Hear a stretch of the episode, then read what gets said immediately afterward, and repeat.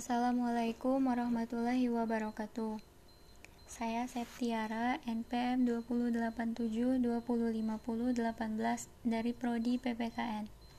Baiklah, dalam podcast kali ini, saya ingin membahas tentang menganalisis pendekatan perilaku pemilih dalam pemilu di Indonesia.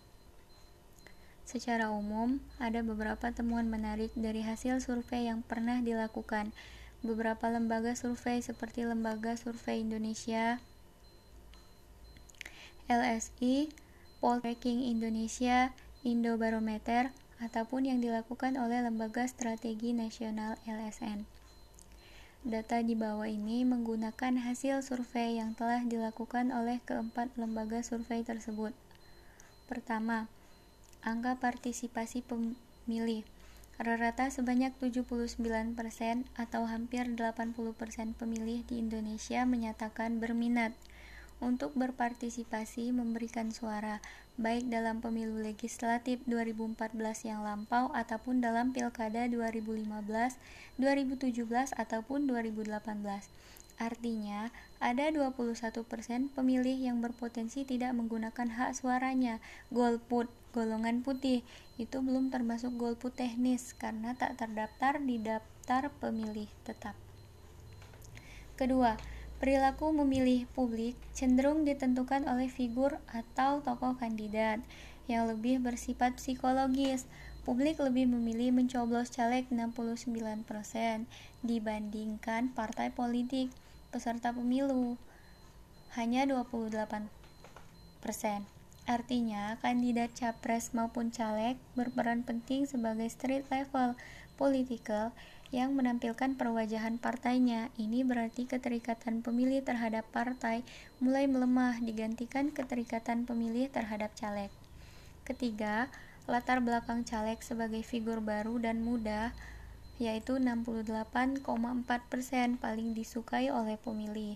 Disusul caleg berlatar belakang politis atau pengurus partai 64,8%, purnawirawan 61,8%, atau pejabat birokrat 61,9%, sementara caleg dengan latar belakang artis atau selebritis paling sedikit diminati pemilih, yaitu 18,7%. Itu sebabnya keputusan partai-partai parlemen, partai yang telah memiliki kursi di DPR dalam merekrut caleg-caleg dari kalangan artis sebenarnya sedang berspekulasi mengambil ceruk yang kecil. Keempat, dalam motif pilihan terhadap partai, golongan partai, program partai, 34,2% merupakan alasan tertinggi publik memilih partai. Alasan adanya figur tokoh yang diidolakan 17,8%. Sementara alasan karena kesesuaian antara keyakinan dengan asas atau ideologi partai hanya 10%. Data ini terkonfirmasi perihal menurunnya tren parti di kalangan pemilih. Di sisi lain, korupsi 49%.